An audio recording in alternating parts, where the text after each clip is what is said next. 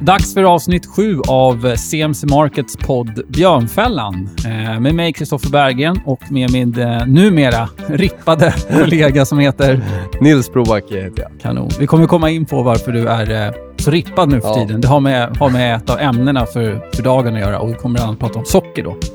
Eh, och vi kommer även prata om hur man utvärderar sin handel. Just det. Otroligt Varför man- viktigt. Ja, och varför man ska göra det. Eh, lite, vad ska vi kalla det, nyckeltal eller ja, varianter på att, eh, att utvärdera handeln helt enkelt.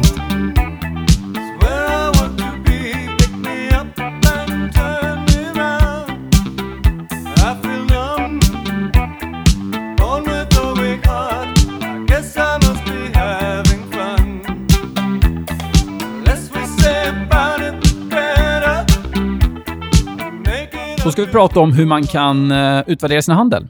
Eh, och eh, ofta är det väl så kanske att man har en tro om hur ens handel går. Eh, framförallt de som kanske inte utvärderar sin handel kontinuerligt. Utan man, man tror kanske att det går på ett visst sätt, att det går bra till exempel. Eh, men sen så när man väl börjar, börjar räkna på det och kika på sina historiska affärer så kommer man fram till att det kanske inte riktigt går som man tror. Kan ju även vara åt andra hållet också. Ja, ja. Att man kanske tror att man har mist sin edge. Eller att modellen inte levererar. Så båda, Precis, båda, båda hållen. Eh, och Det kan ju också vara ett sätt att ta- ta reda på just om det är någonting som går väldigt bra, som funkar väldigt bra, någonting som man kan eh, liksom spinna vidare på eller någonting som fungerar väldigt dåligt som man kanske då ska försöka få bort. Eh, ska vi prata lite om ja, men hur man kan se på det här, eller hur man kan kika på det. Eh, och vi ska börja med att prata om någonting som heter, på engelska kallar man det för expectancy, svenska förväntat utfall. Det är väl någon form av översättning på det. Eh, och Vad det handlar om, det är egentligen vad jag kan förvänta mig i vinst eller förlust i snitt på varje affär som jag kommer göra framöver i relation till hur det har sett ut historiskt sett. Eh, och Det vi vill ha är ju ett förväntat utfall som är positivt.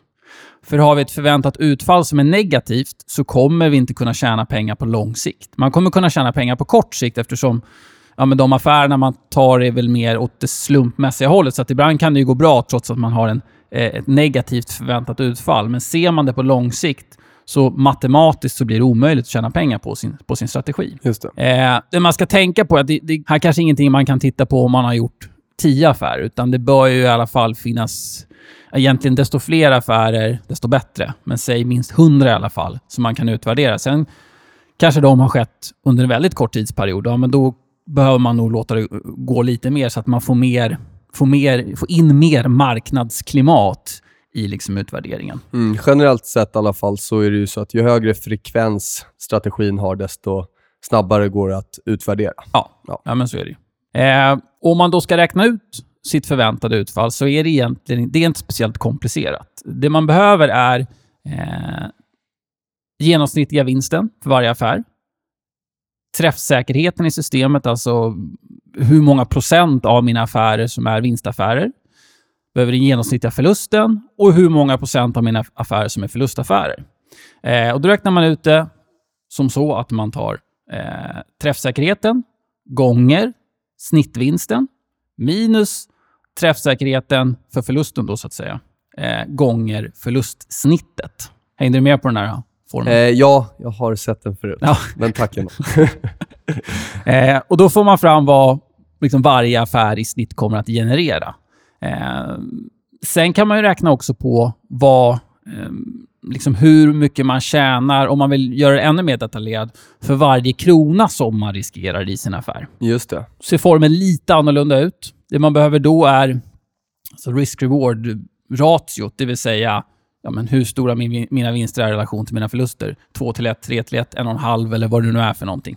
Eh, Bang for the buck. bang for the buck. Just det. Gånger träffsäkerheten, alltså procentuella andelen vinstaffärer, Mm. minus procentuella andelen förlustaffärer. Då får man fram då vad varje riskerad krona genererar eh, i snitt. Och Just vad man kan förvänta sig framöver, så kan man bygga vidare på det. Om vi ska ta ett litet exempel för att få det lite mer konkret. Säg att vi har ett system eller en strategi som har genererat då 500 kronor i snittvinst, 300 kronor i snittförlust och vi har ett träffsäkerhet där vi har 60% vinster, vilket betyder att vi har 40% förluster. Enkel matematik. Räknar vi på det här så kommer vi fram till att det förväntade utfallet per affär är 180 kronor. Just det. Givet sett ut historiskt. Mm. Det är det jag kan förvänta mig framöver. Sen är ju inte det någon garanti. Och Det är också därför det är viktigt att ha mycket data i ryggen, för att då blir ju trovärdigheten framgent bättre. Och, och avkastning kommer inte symmetriskt. Nej, utan nej, nej, det, nej, nej. det kommer, ja, det kommer i perioder. Det här är ett snitt Ja. och en, liksom en förenkling. Eh, vill jag då veta hur mycket det här kommer generera per riskerad krona, tar vi den formen som jag nämnde tidigare.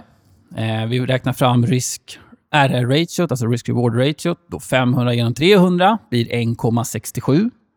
Eh, slänger vi in det i formen, vilket ger oss då 60 öre. Så för varje krona som jag riskerar kan jag förvänta mig att tjäna 60 öre. Då får man ner det på lite mer detaljerad nivå. det. Men det viktiga här, det är att man har en positiv expectancy. Det är det jag vill komma fram till. För har jag negativ expectancy, kan fungera på kort sikt, men på lång sikt så kommer det matematiskt sett inte fungera. Så det är alltså, allt annat lika, är det inte vinstration eller, eller storleken på vinster eller förluster, Nej. utan det positiva utfallet Precis. som är det viktiga. Och vi har ju varit inne på det här tidigare när vi har pratat om psykologi. Jag Mm, att det var, massor, var ja. avsnitt tre kanske. Av tror vi har berört podden. det i flera avsnitt Ja, till och med. Och även risk har vi Ja. berört några gånger.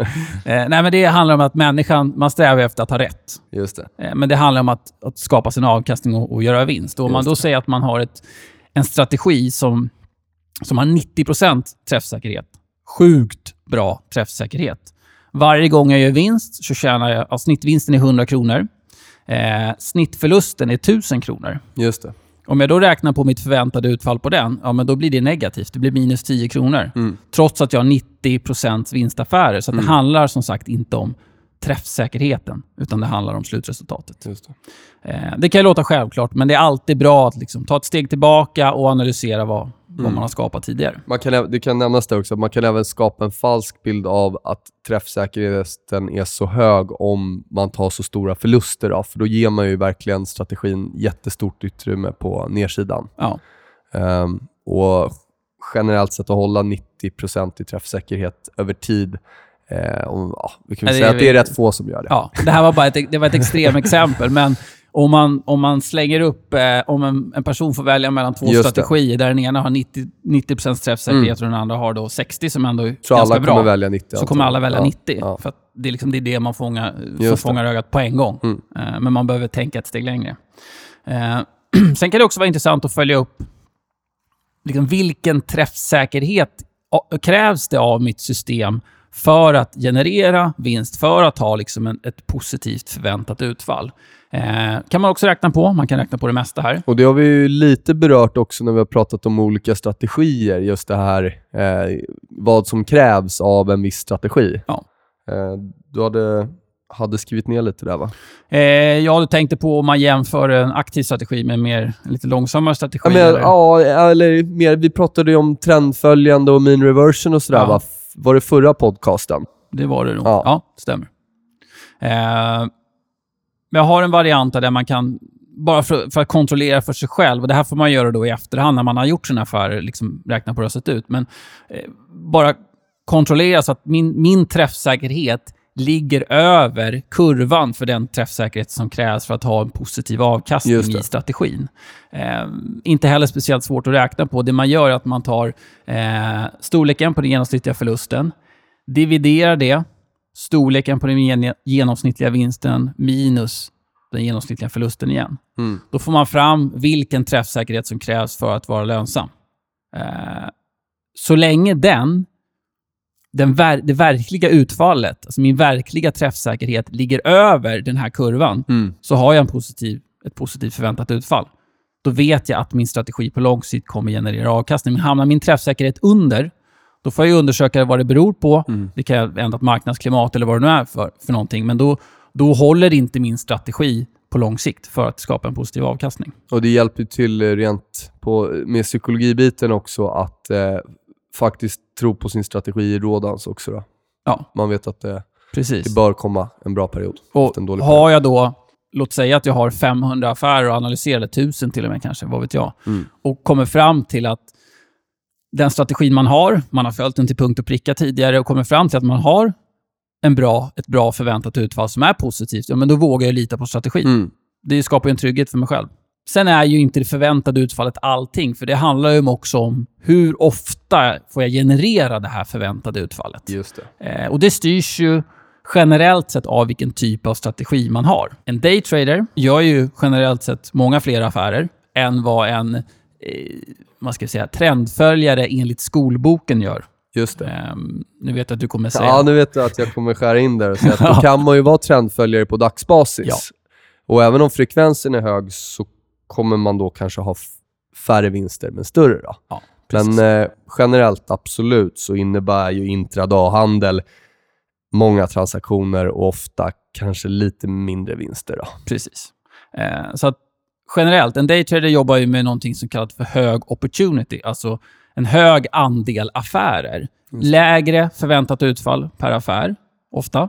Eh, tar man relation till en trendföljare, om vi ska nu ta liksom extrem åt båda hållen, högre förväntat utfall, men ett lägre antal affärer. Just. Eh, vilket gör att totalresultatet skapas ju ofta av många affärer hos en daytrader och totalresultatet skapas av lite färre affärer hos en trendföljare. Just det. Eh, så det är också någonting man måste titta på. Man ska inte sträva efter att ha en expectancy som är extremt hög, utan det måste ju också uppkomma tillfällen att få generera den. Absolut.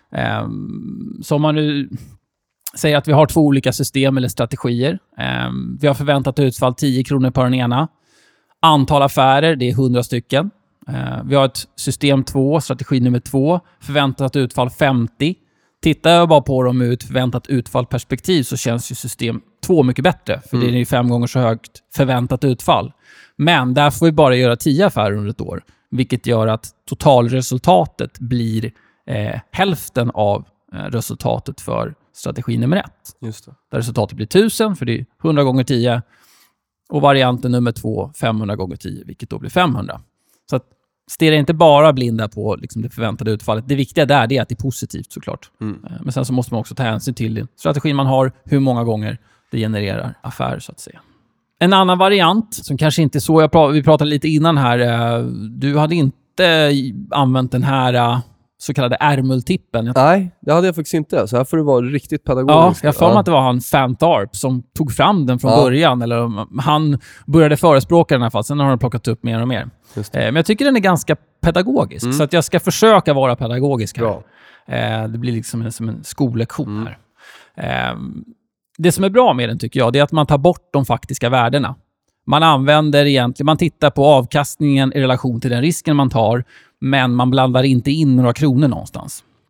Eh, och det här r r i R-multipeln, det är någonting som kallas för riskenhet. Och vad det är, det är egentligen risken i positionen. Det kan vara risken i kronor, eller det kan också vara eh, alltså ingångsnivån i relation till stoppnivån, där man går ur sin position med förlust. Så att säga att jag köper någonting på 100, Mm. lägger min stopp på 90, så kommer r riskenheten, vara 10 kronor. Men det bortser ifrån. Det är bara r jag är ute efter.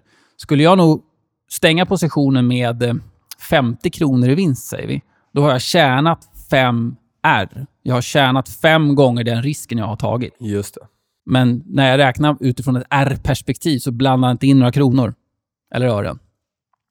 Eh, och det, ja, det gör det lite lättare, tycker jag, att eh, alltså, eh, utvärdera vad det genererar i relation till den risk jag tar. Visa liksom hur, hur effektiv själva strategin är. Eh, sen ska man tänka på att förlusterna kan bli större än 1 R för att det kan bli gap, slippage och här saker. Men generellt sett så, så håller man sig till, till ett R. Eh, man kan också kika på den här, alltså det man genererar i R, som, lite som en equity-kurva. Alltså det aggregerade, det här kanske låter lite flummigt, men det aggregerade R-resultatet. Man vill ju hela tiden att det ska öka, för att jag vill ju hela tiden generera eh, mer än vad jag riskerar. För att det på så vis gör att jag gör en vinst på lång sikt. Eh, om vi ska ta ett litet exempel kanske, så blir det mer konkret. Hängde du med så långt? Eller? Ja, nej, men jag tror jag hakar Du på. tror att du hakar på? Ja. Schysst. Men jag tar ett exempel här.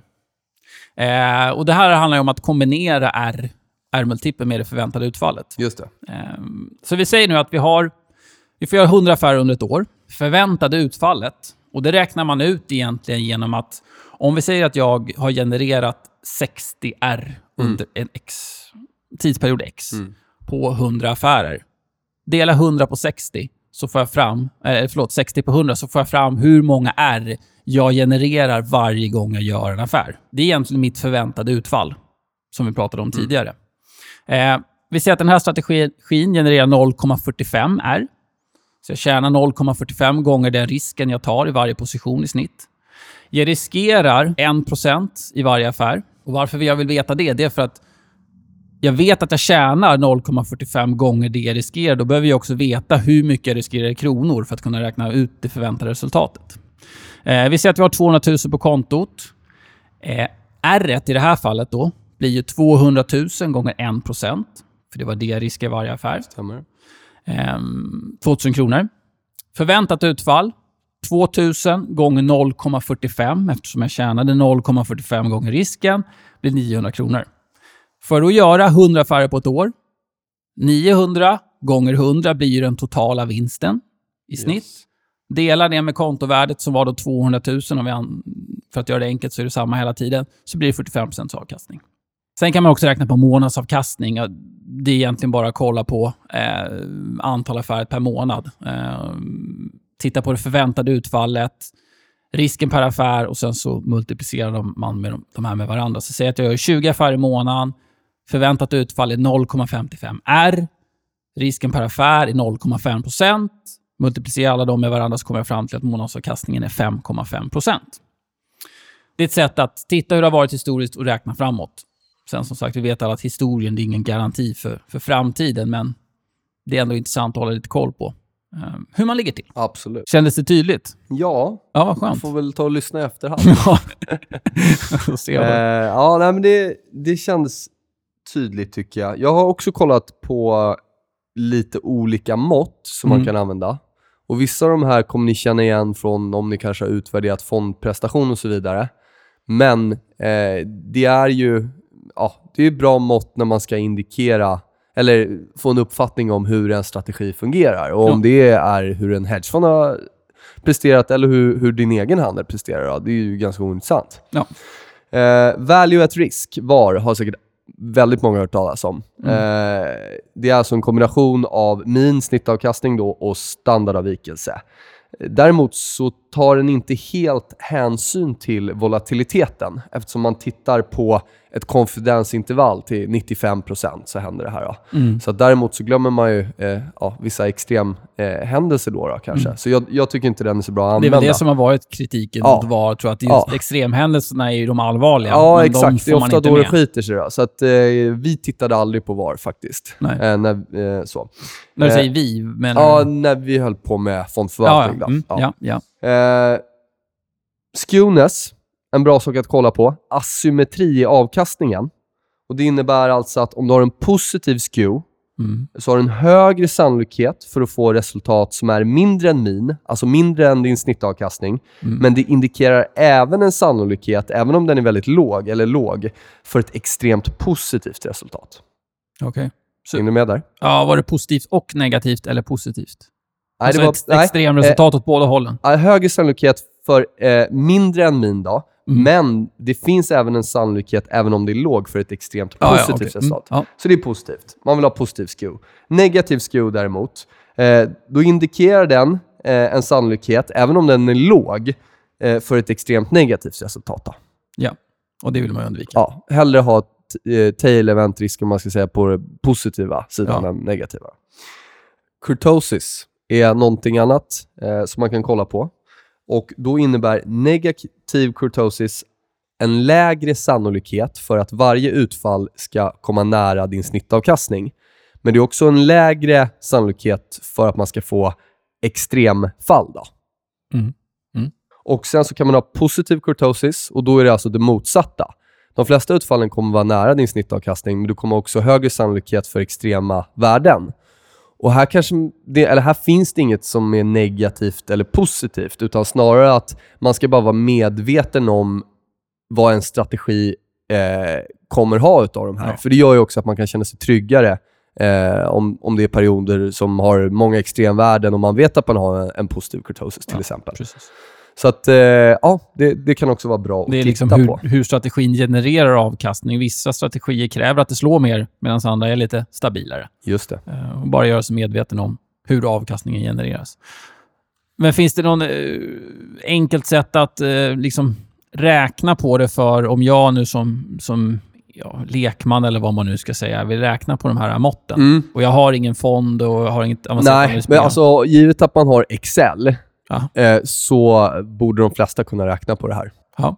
En finns- googling på formler. Ja, och Ja. De, det finns Det klart. finns så det, det, det ska nog de flesta klara av tror Ja. jag faktiskt. ja, men det tror jag också. Eh, max drawdown, ty, det är ju sån, här, sån, sån siffra som man bör ha framför sig. Alltså, vad är det största värdetappet som har hänt i min strategi? Och en drawdown är toppen av kontovärdet till botten och sen så vänder det upp Ja, igen kan man säga. För att mäta en max drawdown måste du ha en ny topp. Ja.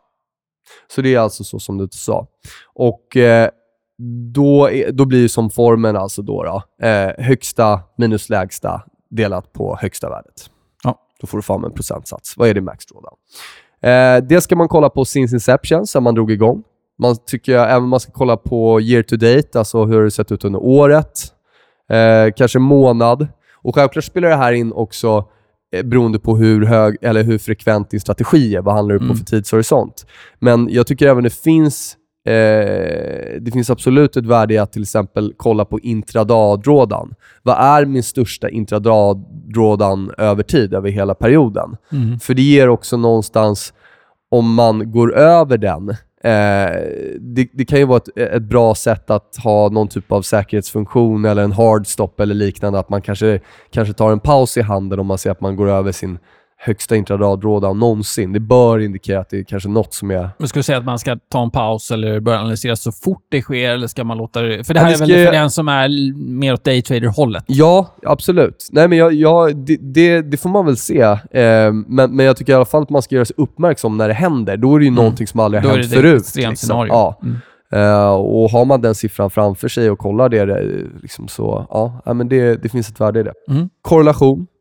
Och för att inte göra det allt för komplicerat så tycker jag att man bara kan jämföra med till exempel S&P, S&P 500, amerikanska börsen.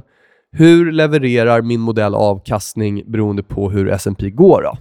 Har jag en positiv korrelation, ja det är enkelt, då kommer min avkastning leverera bra när S&P går upp. Och då kanske man drar slutsatsen att eh, då, då fungerar ju inte en, den strategin riktigt som en hedge, utan då, då, då kommer ju den också leverera dåligt när det kanske ens långportfölj går dåligt eller liknande. Då. Mm.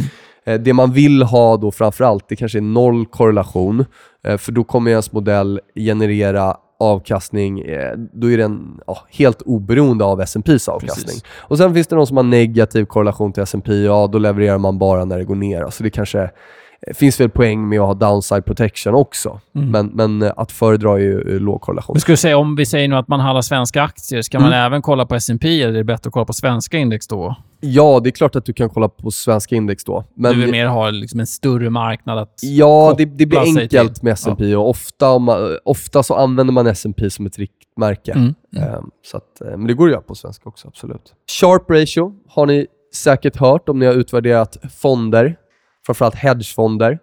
Eh, det är alltså min eh, snittavkastning minus den riskfria räntan delat på standardavvikelsen av portföljen. Mm. Eh, Jag tycker dock att Sortino ratio är att föredra. Och det är samma uträkning, bara att man tar inte hänsyn till volatiliteten på uppsidan. Det vill säga volatiliteten i min avkastning på uppsidan. För det är ju positivt. Mm. Man tar enbart hänsyn till volatiliteten på nedsidan. Då. Jag tror inte, nu kan jag ha fel, men om man är inne och kollar på, det finns ju olika sidor där man Mm. kan kolla på, Sharp finns ju alltid med. Mm. Trainerkvoten tror jag också finns Mm. med, där man tar hänsyn till, till beta istället för Mm. standardavvikelsen. Men jag tror inte Sortino är någon sån här standard, standardnyckeltal. Nej, det kanske är mer man ser, men om man är inne och kollar på så olika hedgefond-databaser Ja, ja, och så, så då är det ett vanligt använt ratio. Jag menar mer om man använder mm, vissa vanliga hemsidor Absolut. utan att nämna Och, några och det kan man göra så. Det kan, fonder. ja, det, då kan man göra det ganska enkelt för sig och, och kanske till och med räkna ut det själv då, Ja. om man vill veta det. Då. Så, att, ehm, så den är användbar. Och varför vill du, du kanske sa det, men varför vill du inte ta hänsyn till volatiliteten på uppsidan? Ja, alltså det är ju positivt liksom. Om min avkastning drar iväg Ja. på uppsidan. Det, Då är det en positiv överraskning. ja, absolut. Ja. Det är så. Så det var de de grejerna jag ville ta där. Vad gäller nyckeltalen. Yes. Ehm, bra, sen har vi ju någonting som kallas för i finansspråk equity-kurva, men man kan väl säga kontovärdeskurva nu om man ska Mm. ha någon svensk variant. Och den kan ju också vara, vara bra att hålla koll på för att se om det egentligen sker någon trendvändning eller någon förändring av hur kontovärdet utvecklas. För att det är ju kontovärdets utveckling, det speglar ju resultatet i min strategi, eller av min strategi. Och Då är det ju Absolut. såklart även bra att hålla koll på hur det utvecklas. Ehm, och där behöver man inte göra det så komplicerat egentligen. Man kan ju göra enkel teknisk analys på... Ja, du kan i princip dra ett streck. Ja. Eller så kan du lägga till eh, två glidande medelvärden, skulle Ja. också kunna funka. Eh, Men det man är ute efter, det är ju när vad ska vi säga, kurvan ändrar utseende från hur den normalt sett har rört sig. Just det. Eh, Det är väldigt, väldigt likt en trendvändning. Ja, Så, precis. Och bryter den trenden, alltså den börjar trenda neråt, det kommer ju vara hack i kurvan för Mm. inget rör sig spikrakt uppåt, men bryter det neråt, ja, men då är det verkligen dags att börja kolla på, okej, finns det någon speciell anledning till det här? Mm. Sen kommer det ju, alltså, så är det ju alltid, det har vi pratat om innan, det kommer vara perioder, ingen strategi funkar i alla marknadsklimat. Eh, Så det är klart att det måste man också tänka på så man inte är för snabb och kanske ändrar någonting eller så. Men det jag tycker är effektivt och även om man kanske inte är själv en multistrategi liksom, så, så finns det absolut poäng med att tänka i de banorna att har jag en eller kanske en långportfölj eller en trendföljande strategi där jag använder de typen av indikatorer eller, eller metoder för att handla trendföljande. Om nu den strategin börjar gå in i en drawdown Mm. och då kan eh, kanske man, eller ja, trenden vänder då för den eh, och då kan man identifiera det som vi sa.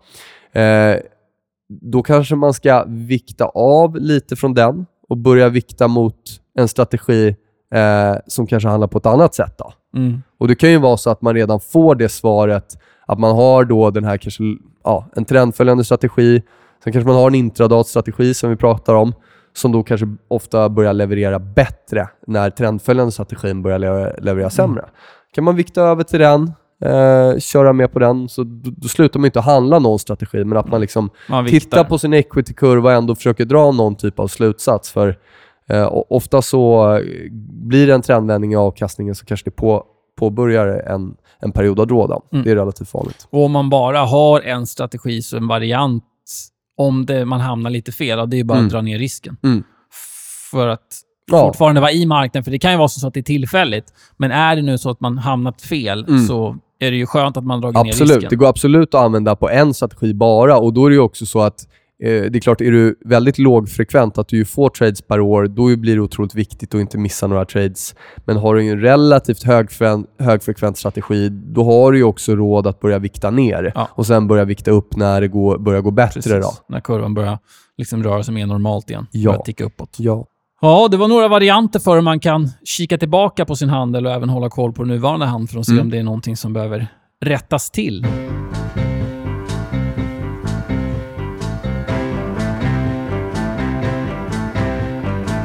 Ska vi prata om eh, socker. Just det.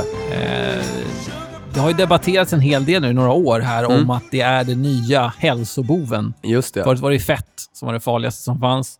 Nu är, är det väl mer så att man gått över att socker är det farligaste som finns. Ja. Det har varit Eh, lite dokumentärer på TV och det uppmärksammas en hel del i. Precis. i media. I media. Mm. Eh, och jag ska väl dra en liten... det är ingen, ingen anekdot, så, Nej. men ibland så... Nu har jag faktiskt dragit ner på godiskonsumtionen. Jag käkar ingen godis överhuvudtaget. Vill du lätta lite på ditt hjärta Ja. här, gällande? Nej, ja. men ibland. Ja. Och det, där ser man ju, eller känner man effekten av att liksom överdosera socker. Just det. Eh, jag gillar Polly ganska mycket. Ja. Eh, och ibland så kan det hända att man... Ja, men man börjar käka några Polly, Mm. man käkar några till och så har man tryckt i sig en hel påse. Just det. Det, eh, väl det händer inte speciellt ofta. Eh, men det, det har hänt ibland. De gångerna du äter Polly så händer det. Ja, men den, är- den är svår. Att liksom, ja. eh, och det har att göra med socker, så kickar det upp och sen så går man ner igen och då börjar kroppen skrika efter mer socker. Det kommer komma in på alldeles strax varför det är på det viset. Men det som är intressant Mm. är att dagen efter man har liksom tryckt en hel Pollypåse Mm. eh, så känner man sig, alltså man känner sig typ bakis. Lite åt det Mm. hållet. Eh, Samma känsla. ja, men så här, trött, seg och man märker ännu tydligare om man exempelvis ska ut och springa den dagen. Mm. Det känns som att man inte har sprungit då på en månad. Mm. Kroppen känns liksom helt matt. Eh, Jag vet inte om alla har lika negativa eh, nej, sidoeffekter. men det kanske är för att jag inte kör Poly Rampage Ja. varje dag, utan det är kanske en gång i halvåret. Men när jag väl gör det så känner jag dagen efter hur jäkla dåligt det är. Ja. Eh, jag vet inte. Nej men absolut, jag, jag, jag förstår vad du menar. Vi, du skojade lite här om förut. Eh, ja. Om Och- att du var rippad. ja, exakt. Jag vill inte säga det själv, men nu- sa jag det. Nej, men jag, jag började för, eh, jag tror det är drygt två månader sedan nu. Eh, Ja. Och försöka skära bort sockret då. Kanske inte för att gå ner i vikt, utan framförallt att försöka må lite bättre. Mm. Ehm, ja, in, inte bli lika grinig mellan måltider. Du var ganska sju, mycket sjuk Ja, i exakt. Socker är höstas. inflammatoriskt. Ja. Eh, både om man tänker kortsiktigt, om man eh, ja, gör illa sig på träning eller en förkylning, så, så ja, det hjälper in, så att säga inte att, att, tillfriskna. Men även på lång sikt, Mm. eh, när det gäller allvarliga sjukdomar som det kommer vi komma in på snart, så är det inflammatoriskt. Då. Mm. Eh, och, eh, ehm, det jag, mär- det jag har märkt är Ja. att när jag har skärt bort socker, alla typer av eh, ja, alltså grains, vad blir det Grödor. nu på... Ja, det nej, det blir alltså spannmål blir det på Spannmål, svenska. ja just det. Mm. Ja, och det här vanliga pasta och bröd och så vidare, så märker jag att eh, ja, det har haft massa positiva hälsoeffekter. Mm.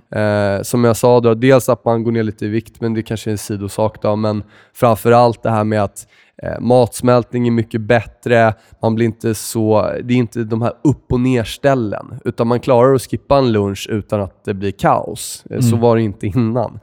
Eh, och eh, så att, eh, nej, men, eh, ja, jag, jag, jag har märkt, det, det har varit positivt för mig kortsiktigt. Då. Ja. Ehm, Sen Och- med det sagt, det är ju inte att man ska gå in i någon sån här superdiet, men man märker ganska fort när man börjar plocka bort socker mm. Vilken positiv effekt det har. Framförallt ska jag säga att jag märkt, märker när jag väl har fuskat de få gångerna, Mm. hur, hur, hur mycket sämre det blir. Ja. Och dagen efter. Så Ja. att man blir ganska osugen på att fuska igen. Ja. Så att, eh, ja.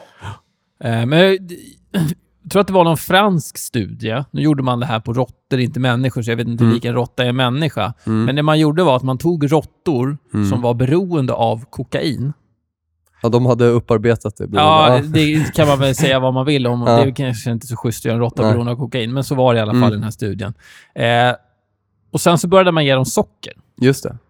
Eh, och då visade det sig efter ett tag att då började de, råttorna, Mm. de föredrog sockret framför kokainet. Just det. det är alltså mer van, socker är alltså mer vanebildande än kokain. Ja, i alla I fall det för här de här råttorna. Sen vet Ja. jag inte om, om man kan dra det till... till eh, Jag att tror det det finns. gäller jag tycker att jag har hört det här förut också. Så att, Ja. eh, ja.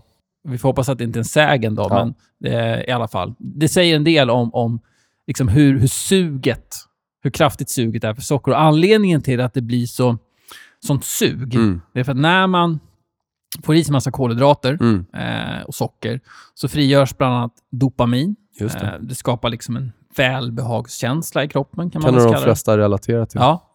Eh, och ökar man intaget socker Mm. kontinuerligt så ökar man då antalet receptorer för det här dopaminet. Just. Eh, för att ehm, ja, de ska kunna ta hand om mängden ökat dopamin. Då behöver man fler receptorer i Mm. kroppen. Och det är klart att för de flesta så har man ju redan från ung ålder blivit förstått att men, eh, när man har gjort något bra eller trevligt, det är ofta sammankopplat med något sött kanske. Mm. Så att det här börjar ju redan i tidig ålder. Och det är klart att är man 30 eller 40 då, då har man ju då har man jobbat Man på rätt bra med de Ja. där. Eh, Kanalerna. och är det sen så att man drar ner på sockertaget, det är det här som gör också att det finns ett sånt sug. Mm. Då upplever kroppen brist eftersom, eh, alltså när man sen börjar få i sig Mm, sockret mm. igen, så behöver man öka mängden socker, eftersom det finns, det finns fler receptorer. Men eftersom då mängden socker inte kanske kommer upp i den nivån som det kom upp i tidigare, så känner kroppen att Nej, men nu är det brist, nu måste jag ha mer. För att kunna liksom mätta eh, det ökande mängden receptorer som finns. Då trycker man i sig mer, mer socker helt Just enkelt. Det. Suget blir väldigt kraftigt. Just. Eh, sen vet jag inte om det, det händer med råttorna, det, har- det har jag ingen aning om. Men Ja. eh, det visar bara på att det finns ett, ett jäkla sug. Och jag nämnde också där vad det kunde haft, det det kanske fel att säga att det är inflammatoriskt på lång sikt, men i alla fall att eh, socker är, eh, har tyvärr den effekten att den har tendensen att trigga då kanske cancerceller eller andra typer av ålderssjukdomar eller sjukdomar. Mm. Så när då vi tar in det här sockret så påverkar det celler som vi redan har i kroppen på ett negativt sätt och kan då sätta igång de här olika typerna Mm. av dåliga processer. Då.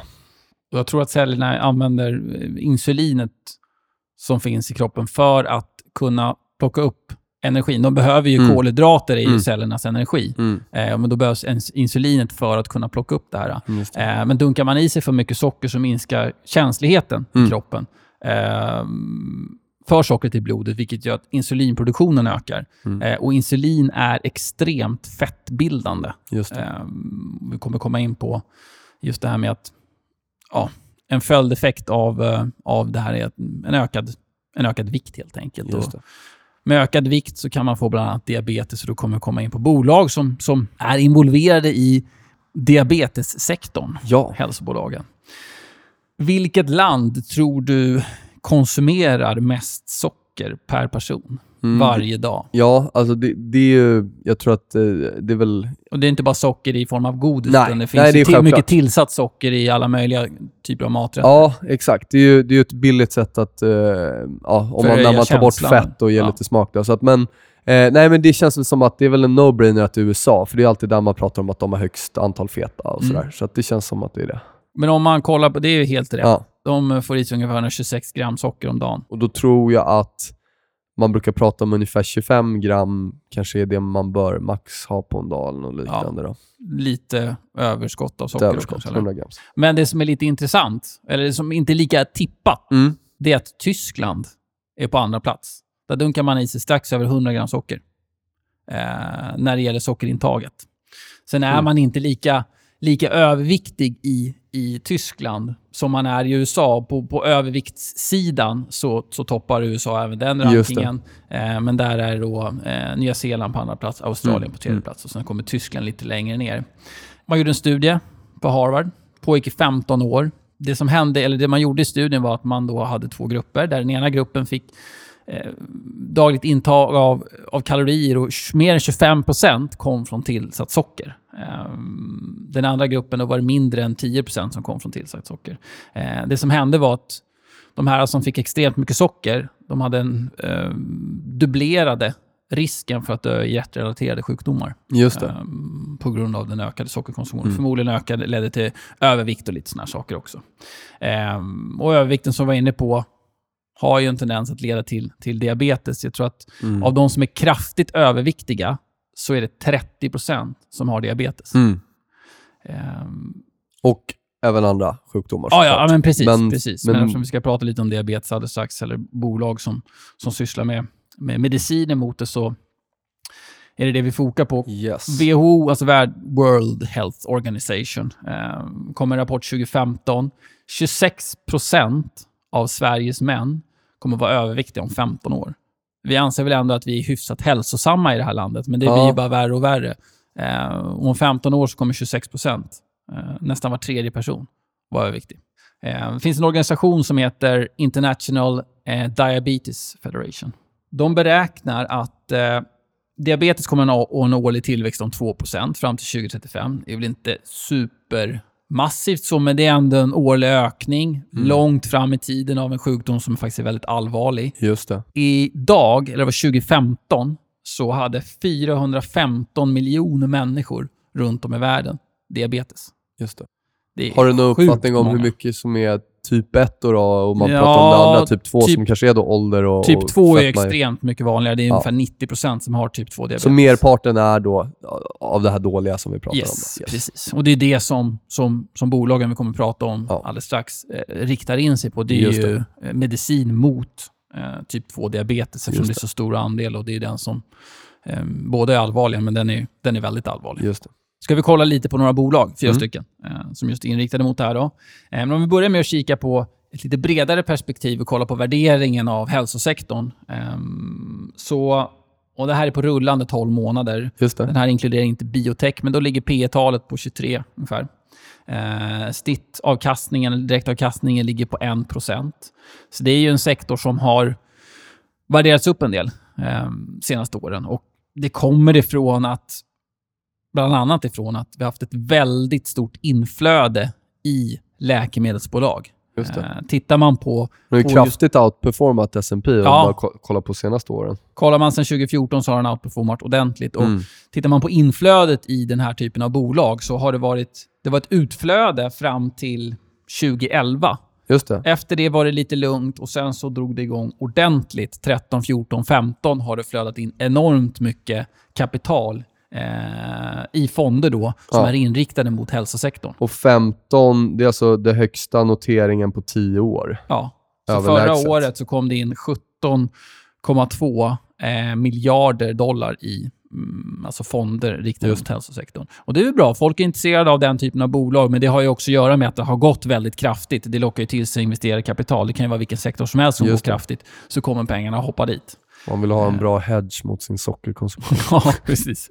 Eh, så värderingen har kommit upp. Kollar man på Chile PE, det vill säga snittet de senaste 10 åren, så ligger det på, på 29 om man kollar då på hälsosektorn i S&P, alltså de bolagen i S&P 500 som ingår i hälsosektorn. Eh, där räknar man inte i, eller där räknas faktiskt biotech in. Mm. Eh, och snittet, 30-årssnittet för de bolagen ligger runt 25, så de är alltid högt, eller högt värderade. De har alltid ett högre P tal än, många andra marknader.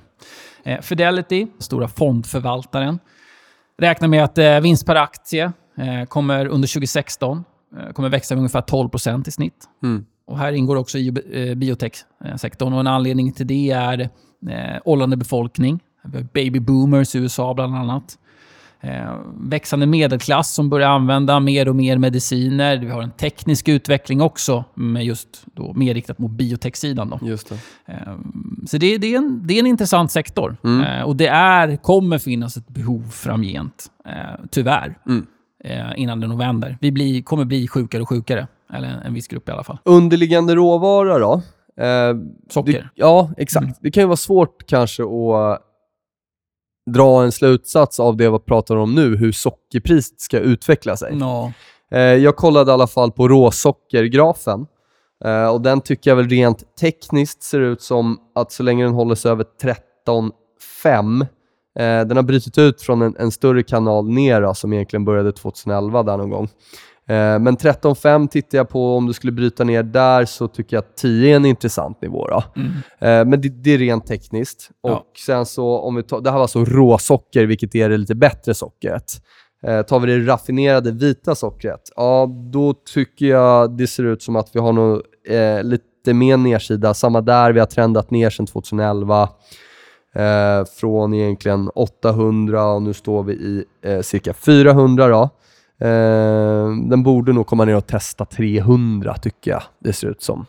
Men återigen, det kan ju vara eh, Det här går ju väldigt inte att svårt. koppla till Nej, liksom den här, för det här är, det här är mer snabba rörelser. ja, det är, det är underliggande råvaror och så vidare. Det är mycket annat som påverkar Och det ska ju, alltså för att dra ner sockerkonsumtionen så krävs det, det vi pratade om det, hur beroende, alltså hur, hur starkt suget är. Det, det är ingenting som man som gemene man bara plockar bort sådär på en dag. Eh, Nej. det finns ju vissa eh, ja, bolag, stora bolag som också är involverade i, eller är beroende av just sockret i Ja, det är sina kanske produkter. ett eh, bättre sätt att spela det här caset på och försöka hitta då ett bra bolag Ja. som kanske kommer tjäna pengar på den här förändringen då, eller trenden Precis, om man ska säga så. precis. Då hade du plockat fram lite. Ja, det finns ju några bolag som, som dominerar. Det är väl framför allt ett som är väldigt inriktat mot, mot diabetes. De Mm. andra som vi kommer att prata om har en, en stor del av intjäningen kommer från, från diabetes, men de har också andra eh, alltså delar i Mm, sin verksamhet mot andra typer av, eh, av sjukdomar.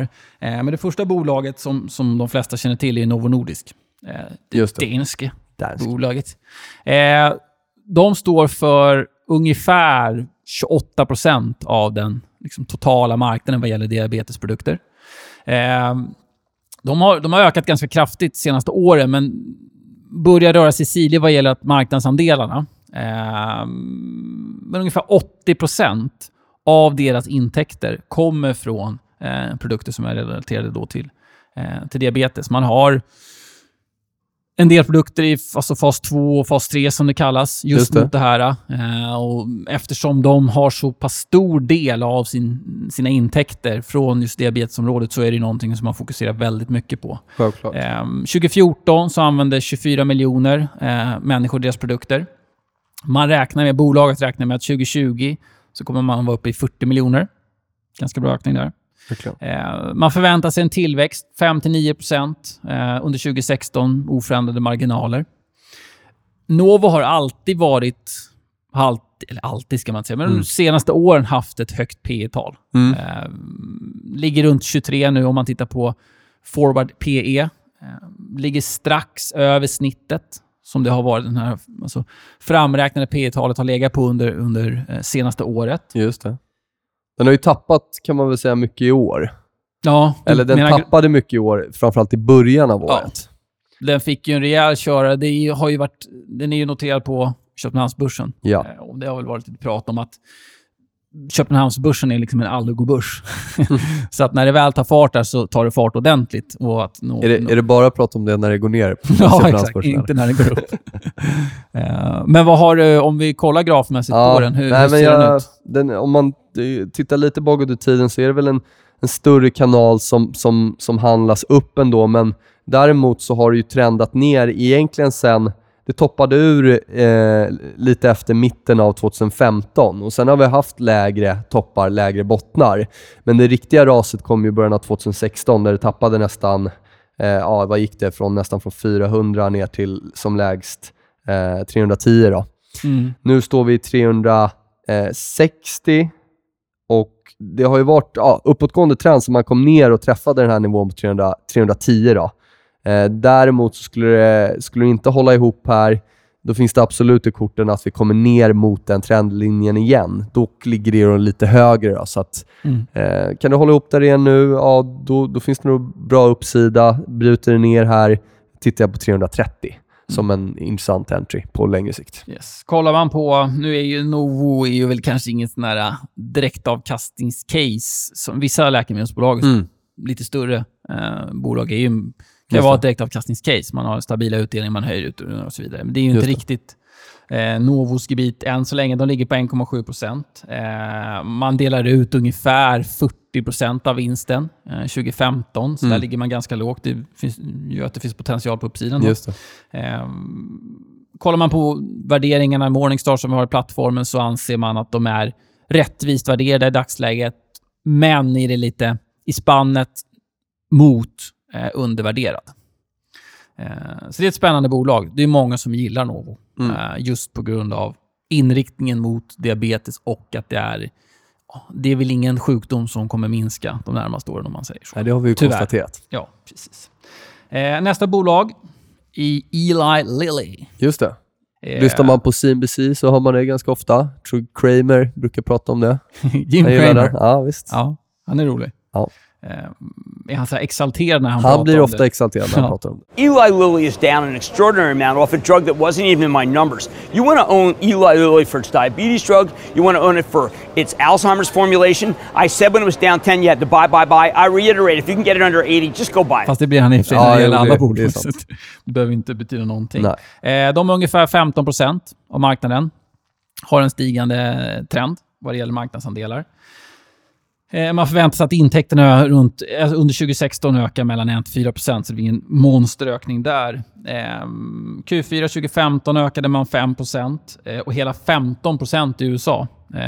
Till stor del av faktiskt högre priser. Det är en liten risk. Högre priser på produkter relaterat till då, diabetes.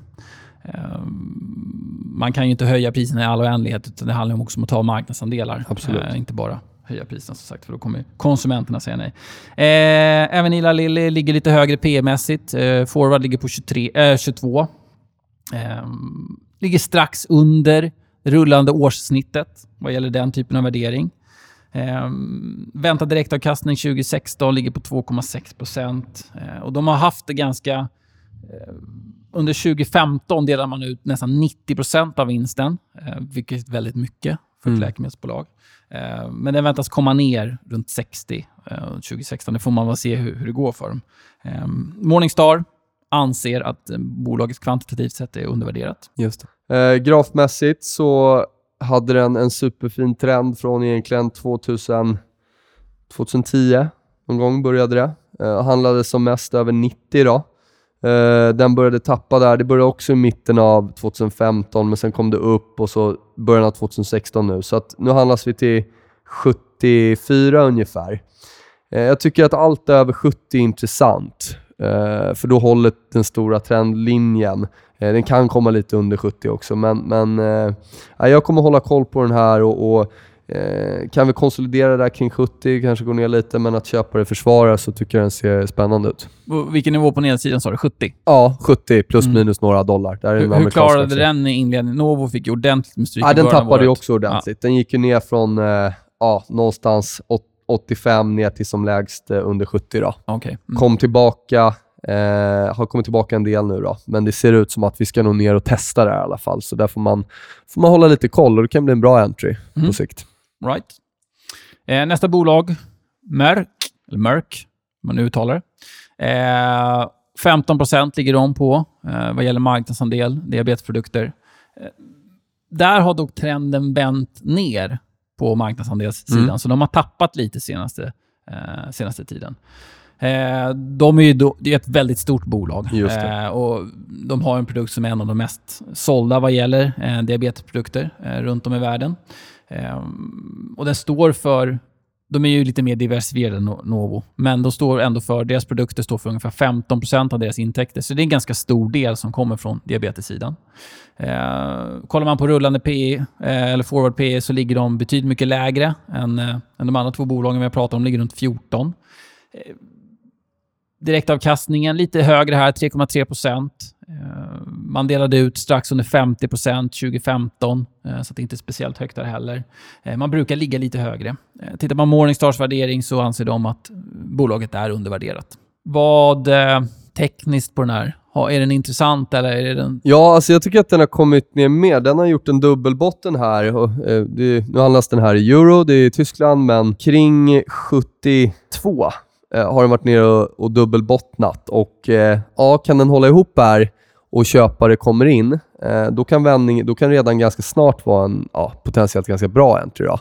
Eh, drar den igenom 70 och börjar bryta ner, då ser det ut som att den långsiktiga trenden eh, ja, som initierades där återigen runt 2010, att den eh, börjar vika över. Då. Okej. Så att, Så eh, den där är lite make it or break Ja. it scenariot rent tekniskt? ja, rent tekniskt nu. Ja. Eh, så det är spännande. Ja, Vi hade en till, en fransk aktie, eller hur? Vi skulle kolla på. precis. Ja. Sanofi, Sanofi. kanske. Ja. Om man ska dra till med ett litet Ja, franskt uttal. men det var, det var bra. Det var rätt bra. Ja? Ja, tycker jag. schysst. Eh, Handlas euro också, kan nämnas. 20 procent. Marknadsdelen har de. De har vänt ner lite svagt. De hade ett tufft... Eh, senaste rapporten var, var tufft. Aktierna kommer ner ganska ordentligt. Eh, och Det beror på att man, man satsade på ett liksom, inhalerande diabetespreparat som inte mottogs speciellt väl. Just det. Eh, Det finns en oro för att inhalerande diabetespreparat kan generera lungcancer. Eh, Det var manicken som man använder, inhalatorn, tydligen ganska ful och liksom, ja, men, inte så bekvämt att Nej. upp den när man sitter på ett fik eller någonting. Jag förstår. Eh, så de har fått, fick åka ner lite och eh, försäljningen ner 25% i USA.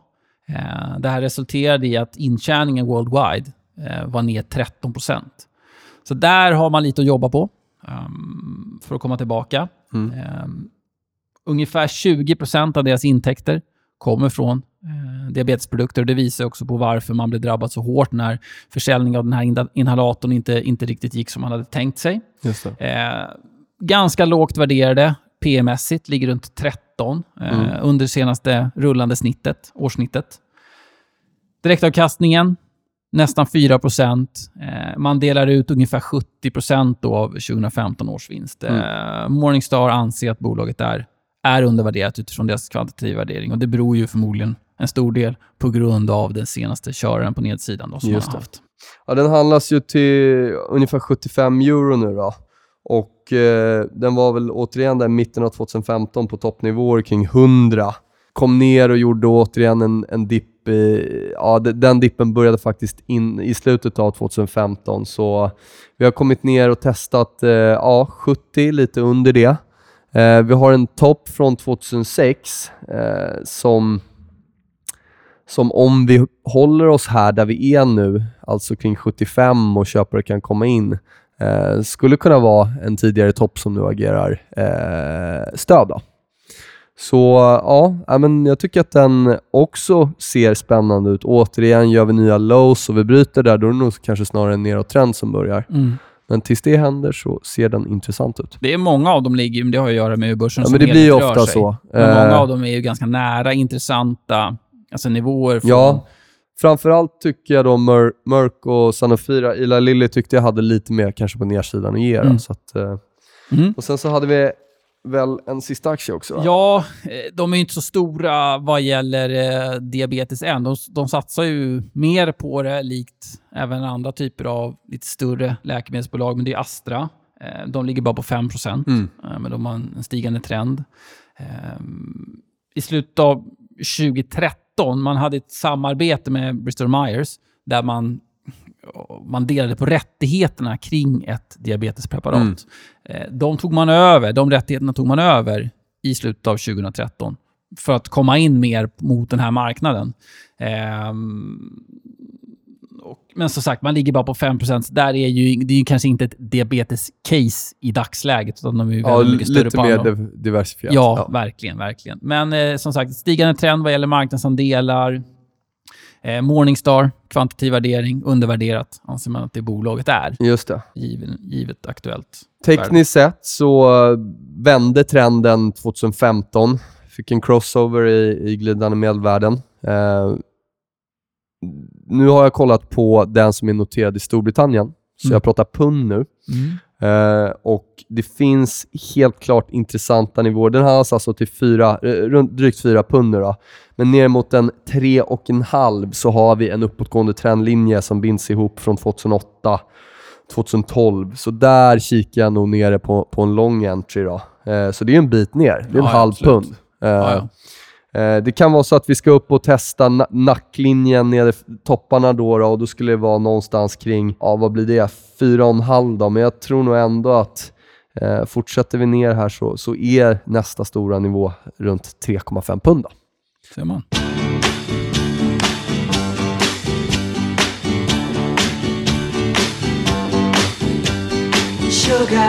Så där, då knöt vi ihop avsnitt 7 av Björnfällan. Vi finner oss på Soundcloud, iTunes och vill ni diskutera, eh, ge feedback, komma med eh, intressanta ämnen, hashtag Björnfällan. Exakt. Missa inte mot marknadssvep som kommer ut en gång i veckan på vår YouTube-kanal. Om ni vill ha lite mer ja, nivåer och sådär, grafer. Lite mer TA. Exakt. Eh, ja, det var det. Ses vi om två veckor. Tack Ja. Kristoffer. Tack, tack. Ha det. Lyssnarna. Då! Hej då. I just can't believe the loveliness of loving you. I just can't believe it's true. I just can't believe the wonder of this feeling too. I just can't believe it's true. Ah, sugar. Ah.